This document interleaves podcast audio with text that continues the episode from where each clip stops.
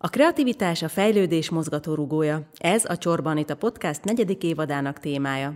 Észrevenni a lehetőségeket, letérni a kitaposott ösvényről, másképp látni és értelmezni a világot, ez a kreativitás bátor, de lehetőségekkel teli útja. Erről beszélgetünk vendégeimmel. Tarts velünk a mai epizódban is!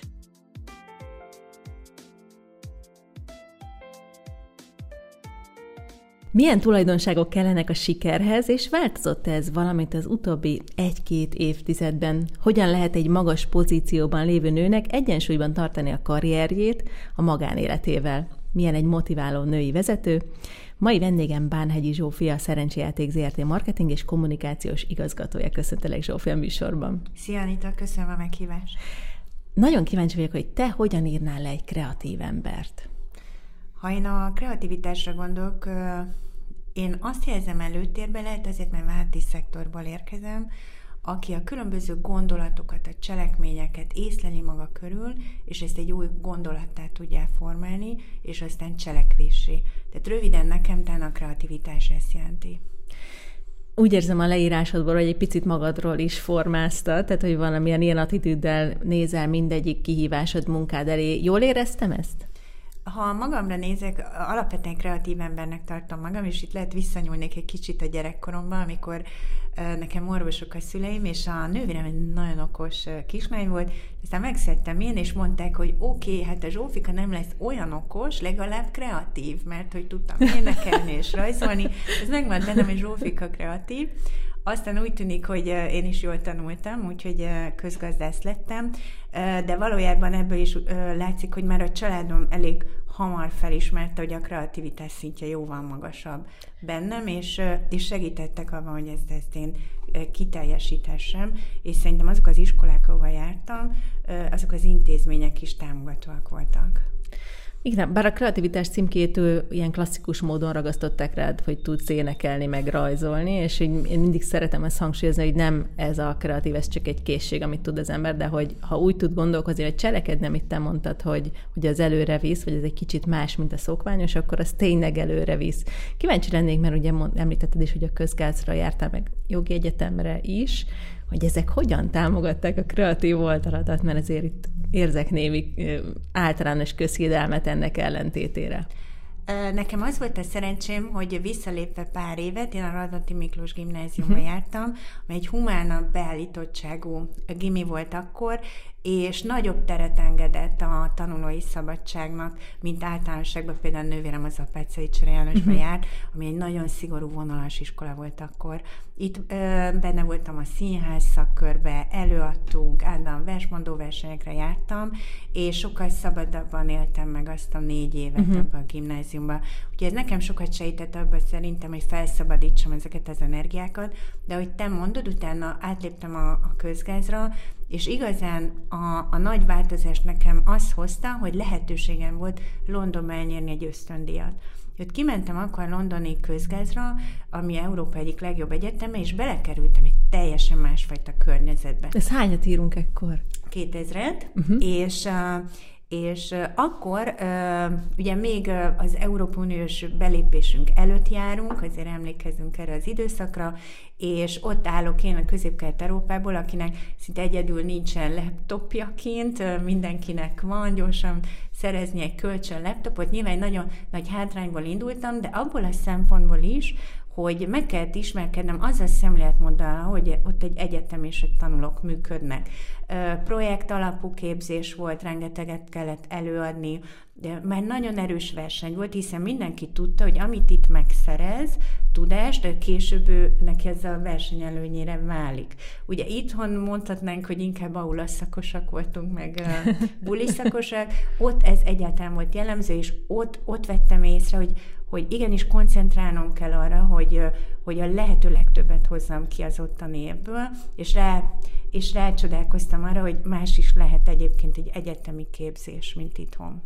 Érdekes, hogy mennyi mindent hozott ez az életedben. Én 97-ben voltam kint három hónapig Londonban, és nekem is akkora hozzáadott értéke van az életemnek, bár én nem egyetemen voltam, hanem, hanem babysitterként, és még így is nagyon-nagyon nagy tapasztalat volt. És abból a szempontból, hogy úgy éreztem, hogy hogy ott hiába, igen, annyival színesebb, meg annyira más világ, meg más gondolkozásmód volt, nem éreztem magamat kevesebbnek, és hogy úgy éreztem, hogy, hogy hogyha a világ egyik központjában ugyanolyan emberek élnek, mint én, akkor számomra is minden lehetséges. Tehát, hogy én ezzel jöttem haza akkor, hogy, hogy bármi elérhető, mert ugyanolyan emberek vannak odakint is, mint én. Pontosan, én is ezt tanultam meg. Kisebbségi komplexusokkal mentem ki, hiszen bekerültem egy olyan egyetemre, ahol nagyon sokan fizetik a drága tandíjat, és nagyon jól szituált családokból érkeznek, de ez ott nem számított. Az számított, hogy hogy tanulsz, és egyébként milyen személyiséged van.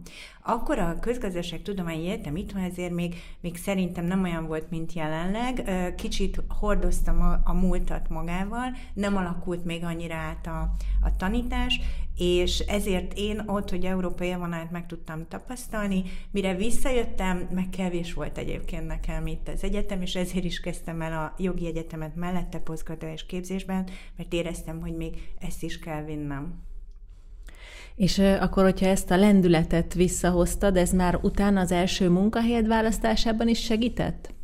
Ez egy véletlen volt, erről már párszor így beszéltem, hogy én nem akartam elhelyezkedni egyetem alatt, de tele voltam energiával. Egyébként én végig dolgoztam is így a divat bemutatókon léptem fel, viszonylag magas vagyok, tolmácsoltam franciául, és, és, de igazából ezek ilyen zseppénzek voltak, és az utolsó évben viszont volt egy állásbőrze a közgázon, és kiállított a Nestlé Hungária is, és ott megkérdezték, hogy miért nem jelentkezem, de mondtam, hogy én meg tanulok, és mondták, hogy semmi gond, és ott igazából belecsöppentem az egészbe, és milyen annyira nem akartam, talán ezért is sikerült, egy nagyon komoly kiválasztási folyamat volt, úgynevezett Assessment Center 22 évesen, és ugye több mint 500 jelentkezőből hármat vettek fel, és akkor nem éreztem át ennek a jelentőségét, ma már átérzem, ugyanis ez állított rá arra a pályára, ahol most vagyok. Milyen tulajdonságok alapján választottak ki, akkor mi kellett a sikerhez? Ez egy nagyon érdekes sztori, hogy akkor készült rólam egy pszichológiai tanulmány is, ugye egy, egy komoly kiválasztási folyamat volt, amit én eltettem, és az volt benne, hogy vajon én milyen vezető leszek majd. És ha most előveszem, akkor, akkor én olyan vezető lettem, és ez nekem azt mutatja, hogy magunkkal hozunk képességeket és személyiséget, amelyet alapvetően picit tudunk formálni, de valójában ez egy hozott dolog, és ez, ez bennem egyébként pont, amit kiemeltek, az empátia, a vezetőkészség és a kreativitás, ami később jellemezhet, és úgy tűnik akkor a Nestlé ilyen emberekben bízott. Hát jól tette akkor, és hogy nagyon örülök, hogy ide behoztad ide is a kreativitást és a vezetőkészségek közé emelted. Mi az az oldala a kreativitásnak, ami segíti egy jó vezető, segít egy jó vezetőt?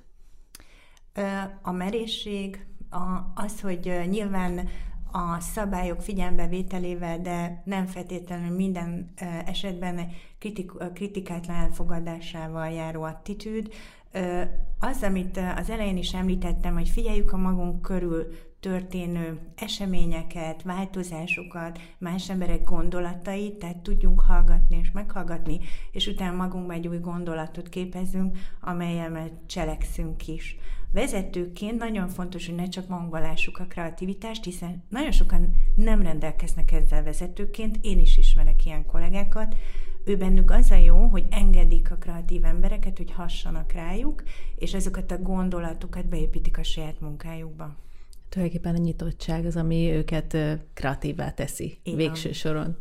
Szerinted van-e különbség a hát ugye azt mondod, hogy 2000-ben, tehát akkor a 20 évvel ezelőtti tulajdonságok ban, ami a sikerre vitt, akkor meg a mostani 2021-ben ugyanazok a tulajdonságok, vagy ugyanúgy ezeket mondanád, hogy ezek visznek sikerre?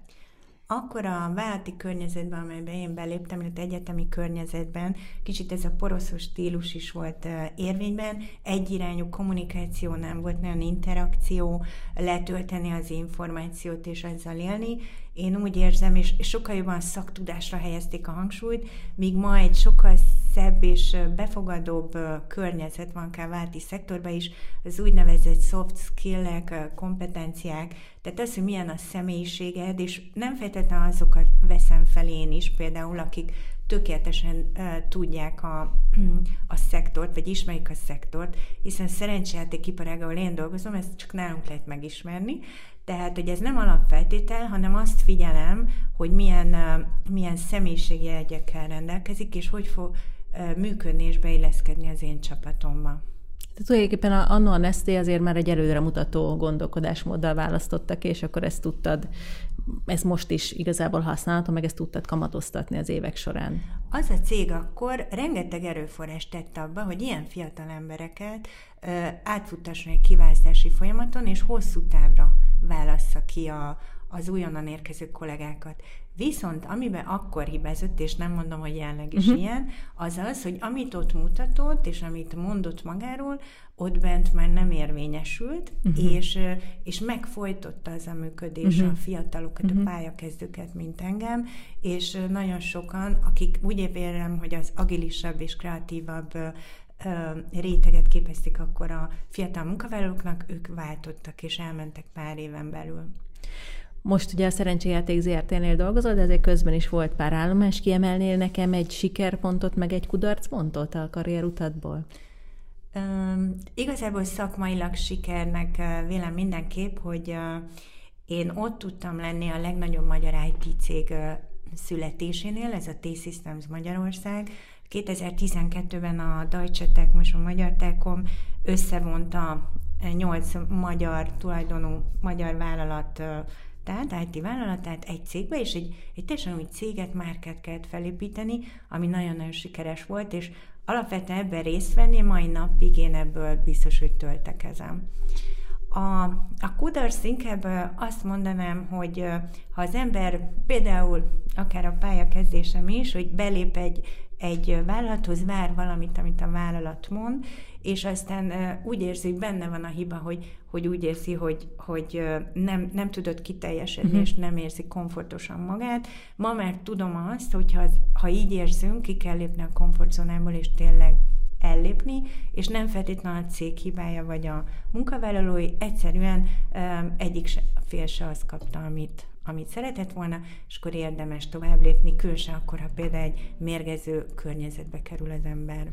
Hát ez, ez, ezzel egyet tudok teljesen érteni, de biztos hogy benne, hogy itt a Szerencsejáték ZRT-nél nem ez a helyzet, viszont azért itt is vannak kötött szabályok, azért mégis egy nagyobb állami cég. Hogy lehet itt a kreativitásnak utat adni, utat engedni? Viszonylag szerencsés helyzetben vagyunk, hiszen itt a marketing kommunikáció egy helyen van, így egy ilyen há- úgynevezett 360 fokos integrált kommunikációt tudunk megvalósítani, ami nálunk együtt jár, még plusz valami máshol azt hiszem nem tapasztalható, egy kiemelten felelős kommunikációs etikával, amelyet követünk. Nyilván azért, hiszen szerencsejátékok ártóak is tudnak lenni, uh-huh. úgyhogy a mi marketing kommunikációnknak erre ki, kiemelt figyelmet kell fordítania. Nekem újszerű volt, és nagyon szeretem ezzel dolgozni. Ugye egy, egy, a Magyarország egyik legszigorúbb reklámetikai kódexét megalkottuk, uh-huh. és azt szerint működünk és ez ki, kiemelten kihívás, hogy mennyivel egyszerűbb lenne, ha mindenhol milliárdokat látnánk, kastélyokat, Ferrarikat, hirdetni, hogy, hogy játszanak velünk a játékosok, amelyet mi szigorúan nem tehetünk, és mennyivel nagyobb kreativitást igényel, hogy, hogy a, a, a játék körömét emeljük ki, és a, a mindenfajta szenvedély ellen küzdjünk. Úgyhogy amit itt megtanultam, és, és szerintem bárhova is megyek, akár későbbi karrierem folyamán, ez az etikus szint, eti, etikai szint, ami, amivel most dolgozom, szerintem mindig bennem fog maradni. Ez nagyon, nagyon jól hangzik, egyrészt tényleg fontos szerepe van az ember, tehát a társadalomra vetítve, másrészt arra is rávilágít, hogy a kreatív gondolkodásnak néha jót tesznek a keretek, akár hogyha gyerekjátékokat nézzük, néha, hogyha csak egy fakanalat vagy egy edényt adunk a gyereknek, sokkal kreatívabb játékokat talál ki, mint hogyha egy minden tudó, csili hangos zenekönyvet. Fontos, különösen bizonyos szektorban fontos, hogy keretek közé szorítsa az ember, mert a kreativitás néha lehet, hogy ártó is tud lenni, ha nincsen bizonyos szabályok mentén lefektetve az iránya. Nálunk az is egy, egy különösen jó dolog, hogy ez a hosszú távú reputációépítés, amelyet a Szerencsejáték ZRT végez és végzett az elmúlt évtizedekben, ma odáig vezetett, hogy bár a szerencsejáték, ha így kimondod, akár egy negatív jelentésre is bírhat, ma ez a cég Magyarország legmagasabb bizalmi indexével rendelkezik a lakosság körében, amely hát egy tudatos, több évtizedes munka előz meg. Egyébként hogyan találtatok egymásra? Te kerested meg őket, vagy ők találtak meg téged? A cég talált meg engem, és nagyon örültem a felkérésnek. Ez egy olyan szektor, amelyben ritkán tudunk bepillantani. Én három évet dolgozom itt, és talán az elmúlt három évben több, több látszódik ebből a szektorból, szeretünk róla beszélni, és nagyon sok olyan aspektusa van, hogy szinte a DNS-ünkben van a jó ügyek támogatása, nagyon ügyvezérelten működünk. Ilyen a felhős játékszervezés, de ilyen például a fogyatékossággal élők ügye, ahol most egy, egy új szintre fogjuk emelni az aktivitásainkat, és egy ilyen cég az erőforrásainál fogva jelentős változást tud generálni. Azt hiszem, körülbelül egy idősek vagyunk, tehát mondhatom azt, hogy azért az évek alatt más fontosságok is megtalálják az embert, vagy az évek múltával hogy akár tényleg ilyen jótékony szerepet vállaljon, vagy társadalmi felelősségben vállaljon nagyobb szerepet, és te is több helyen szerepet vállalsz, akár a Magyar PR Szövetségre, ha gondolok. Miért vagy például ennek a, a, az, a, szövetségnek a, a, az alelnöke, jól mondom? Igen. É, mit, mit szeretnél, hogy, hogy, hogy szeretnél hozzáadni a társadalomhoz ezen keresztül? A Magyar PR Szövetség alelnöke vagyok, illetve a Magyar Marketing Szövetség elnökségi tagja, és hiszek abban, hogy, hogy plusz energiát teszek be abban, vagy mm, társadalmi munkában, hogy az adott szektor erősödjön, jobban megmutassa magát. Jobban megmutassa, hogy mennyit tud hozzáadni az üzleti értékteremtéshez, de akár a társadalom edukációjához hosszú távon, vagy társadalmi ügyek elősegítéséhez. Az elmúlt években, kifejezetten a pandémia alatt egyébként a szektor szereplő egyre többet kezdtek egymással beszélni, kialakult a szövetségek közötti együttműködés, és most úgy látom, hogy ennek a szövetségi munkánk is egy aranykora következett be. Erre egyébként jó példa, mert nagyon aktuális, hogy ma kijött, megjelent az első PR Trend Report a szövetség gondozásában, ami az én ötletemből eredt, és száz szak, szakember a területről együttműködött egy 150 oldalas nagy kiadvány létrehozásában, ami mindenki számára ingyenesen elérhető. És ebben mondjuk el magunkról és a szektorról, mi ez a hozzáadott érték, mik a trendjei, mi a jövője, hova tart. Úgyhogy ez izgalmas lett a felső döntéshozóknak, a szakmáknak, és valójában a fiataloknak, akik ezt a szakmát szeretnék később végezni. Szerintem nagyon fontos, hogy ez a, ez a hosszú távú gondolkozás és ez etikus gondolkozás, hogyha ben van a fókuszunkban, akkor igenis meg, meg tudjuk változtatni akár az egész világot is, hiszen, hiszen csak rajtunk múlik, hogy hogyan hozunk döntéseket, mi mentén, és mik a, mik a fontosak, és annyira jó, hogy ez egyre több területen egy oda-vissza egy interakcióval elindult ez a felelős gondolkozás. Látom, hogy nagyon sok mindenben benne vagy. Hogyan tudod összehangolni a magánéletedet a karriereddel? De ez a felelősség, empátia, nagyon fontosnak tartom egyébként a váltvezetésben, és szerintem a, a nőknek ez egy kifejezetten erőssége. És ez onnan ered, hogy nyilván is a családom, a gyermekem, a mindennapokban az interakció erősíti bennem ezeket a, ezeket a tulajdonságokat. Nem, nem látom igazából vannak az összeegyeztetéstelen azért, mert annyira élvezem, de valójában nem tudom teljesen elválasztani. Nagyon sok barátom van a szektorból, akikkel munkán kívül is találkozom, és lehet, hogy munkáról is beszélünk, összejárunk családilag, tehát igazából így összefolyik, összefolyik. a két dolog néha, így van, de azért kell tudni, hogy mikor van az az idő, ami, amit csak a családé nyilván. Vagy amit csak a magunké, mert például itt volt Dukandra nálam, és akkor ő is elmondta, hogy azért neki azt a legnehezebb, és még ezzel a mai napig küzd, hogy az én időt, vagy a magunkra fordított töltődős időt is beiktassa a naptárába. Én Te ezt ezzel, úgy hogy ez... megoldani, hogy berakom a naptárba. Tehát ezt mondtam neki én is. Futok, akkor be van írva, hogy futás. a naptár, és akkor délután Igen. ott már más nem is teszek bele. Ez, ez egyébként szürreálisan hangzik, nem, de valójában tudatos. Én ezt tudatosnak hívom, nekem is benne van a Google naptáramban a futás, vagy a bármilyen olyan programom van, amit úgy érzem, hogy töltődni kell. Nyilván az, hogy most egy fél órát kávézok reggel, még pluszban, az nincs benne, de hogy alapvetően igen. Ugye, amit említettél is, hogy a pandémiával nagyon sok minden átértékelődött és megváltozott, és szerintem most már egy picit távol vagyunk annyira ettől az egésztől, nyilván benne is vagyunk még, de, de azért már ugye az elmúlt, ugye a 2020-as év azért erről szólt, hogy, hogy lássuk egy picit a pozitív hozadékait ennek az egész helyzetnek. Nálad mit, mi volt a pozitív hozadéka? Egyrészt, hogy több időt tudtam a családdal tölteni, hiszen nagyon sok napot otthon voltam, annak ellenére, hogy, hogy én azért inkább bent a, az irodában dolgoztam, és éreztem, hogy, hogy ennek nagyon örülök. Tehát éreztem, hogy a boldogság szinten magasabb azáltal, hogy ott vannak körülöttem, amikor otthon vagyok és dolgozom. És a másik, hogy sokkal jobban szerintem odafigyelünk, a, ha most a munkahelyi környezetről beszélünk, a kollégákkal egymásra. Tehát visszajött az, hogy, hogy keressük a hosszabb beszélgetéseket, keressük azokat a pillanatokat, amikor nem csak dolgozunk, hanem szimplán együtt vagyunk, és tudatosan próbáljuk az emocionális kötődést vagy kapcsolatot erősíteni. Ez azért van, mert mi most visszarendeződtünk teljesen az irodába, és érzem néhány kollégámon, hogy, hogy ez bizony nekik talán gondot jelent, hogy nem tudnak annyi időt, mint megszokták a család otthon lenni, egy több időt töltenek az autóban vagy a buszon, és igenis oda kell figyelnem, mint vezető, hogy ezeket a negatív érzéseket eltüntessük, és ezt a benti hm, környezetet most egy kicsit erre, erre hangoljuk. Tehát igenis több időt szálljunk az emberi, humánus oldalra, mint csak a szakmai prezentációkra. Nagyon érdekel, hogy Hát szerintem itt talán a nőként szót ki is hagyhatom, hanem vezetőként hogyan tudod egyszerre érezhető, hogy partneri viszony is van a kollégáiddal, és nyilván a, a hierarchiát is meg kell tartani. Ezt hogyan tudod egy egységben működtetni?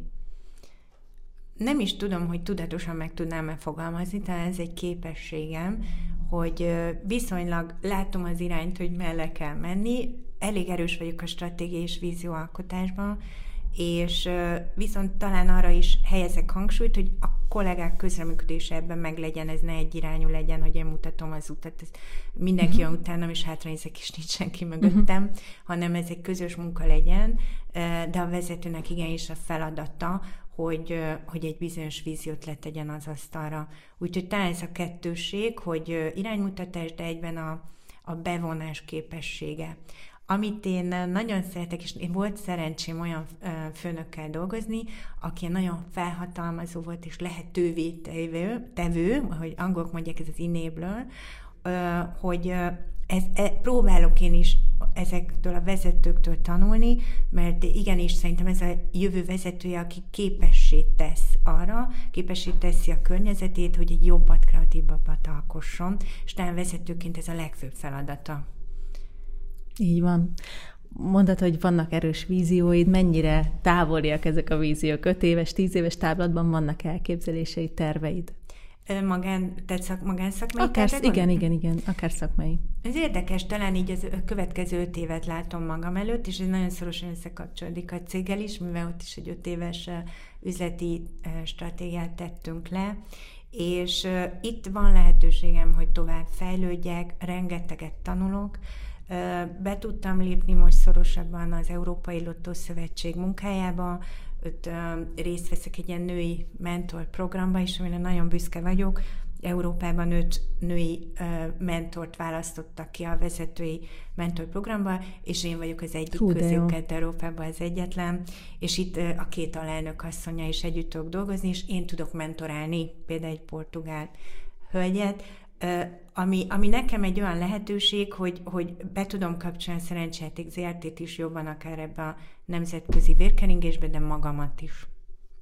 Tényleg ki lehet nyitni akkor a kapukat, tehát akkor nem elképzelhetetlen, hogy tíz év múlva már nemzetközi vizeken evezel akár.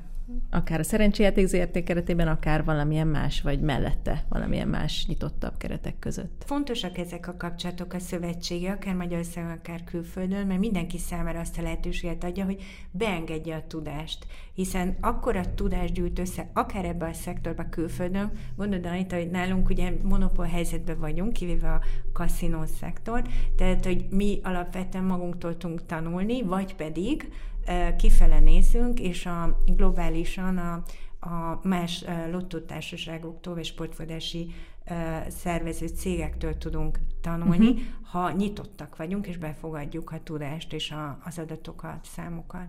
Igen, de igazából sokkal jobb helyzetben vagyunk, mint 20 évvel ezelőtt, ahol muszáj volt elmenni külföldre ahhoz, hogy tanuljunk, és most pedig ugye nyitotta akár az online téren keresztül az egész világot. A tanulási lehetőség sokkal közelebb van, és mindenki számára sokkal elérhetőbb. Én azt látom, a kisfiamon nő 20 éves, most szintén közgázra jár másodéves, hogy annyira jó, mindig arra gondolok, hogy ő már nem megy azon keresztül, mint én annó 2000-ben Angliában, hogy kisebbségi komplexusokkal, közép-európai hátrányjal érkeztem oda, és ezt le kellett küzdenem. Benne semmi ilyet nem látok. Ő bármit elér innen. Online nagyon sok kurzust most a pandémia alatt a legnagyobb egyetemek ingyenesítettek, és ő úgy érzi, bármit megvalósíthat innen, és ez az érdekes benne, hogy hosszú távon abszolút Magyarországon képzeli a jövőjét, és nem gondolja úgy, hogy itt, itt versenyhátrányban lenne. Én szerintem ez így is van, most már nyitott a világ, tehát bármit bárhonnan elérhetünk. Magyarország ez egy remek hely, és innen is akárkik lehetünk, tényleg a határa csillagoség. Az áró kérdésem az, az, hogy mit ad a jövőnknek az szerinted, hogyha ma kreatív szemlélettel élünk? A jövőnket színesebbé és teljesebbé teheti hogyha kreatívak vagyunk. Itt ezért kell a tudatosság is, hiszen a mindennapok örlő malma néha a kreativitás ellen hat, tehát Abszolút. tudatosan kell hagyni időt arra például ezekre az ugye agyviharokra, brainstormingra bent a kollégákkal, a kreatív ötletek áramlására, energiák áramlására, és itt tudatosan időt kell erre hagyni, de ezt megtesszük, sokkal magasabb szintű munkát tudunk végezni, és hosszú távon sikeresebbek lehetünk. Köszönöm szépen a gondolataidat, nagyon inspirálók voltál. Köszönöm, Zsóf, hogy itt voltál. Köszönöm, Anita. Keresd a további beszélgetéseket az inspirációk.hu oldalon. Megköszönöm, ha értékeled csatornámat az általad hallgatott podcast felületen. Ha kérdésed van, vagy ajánlanál további inspiráló beszélgető partnert, akkor írj a podcast kukat csorbanita.hu e-mail címre.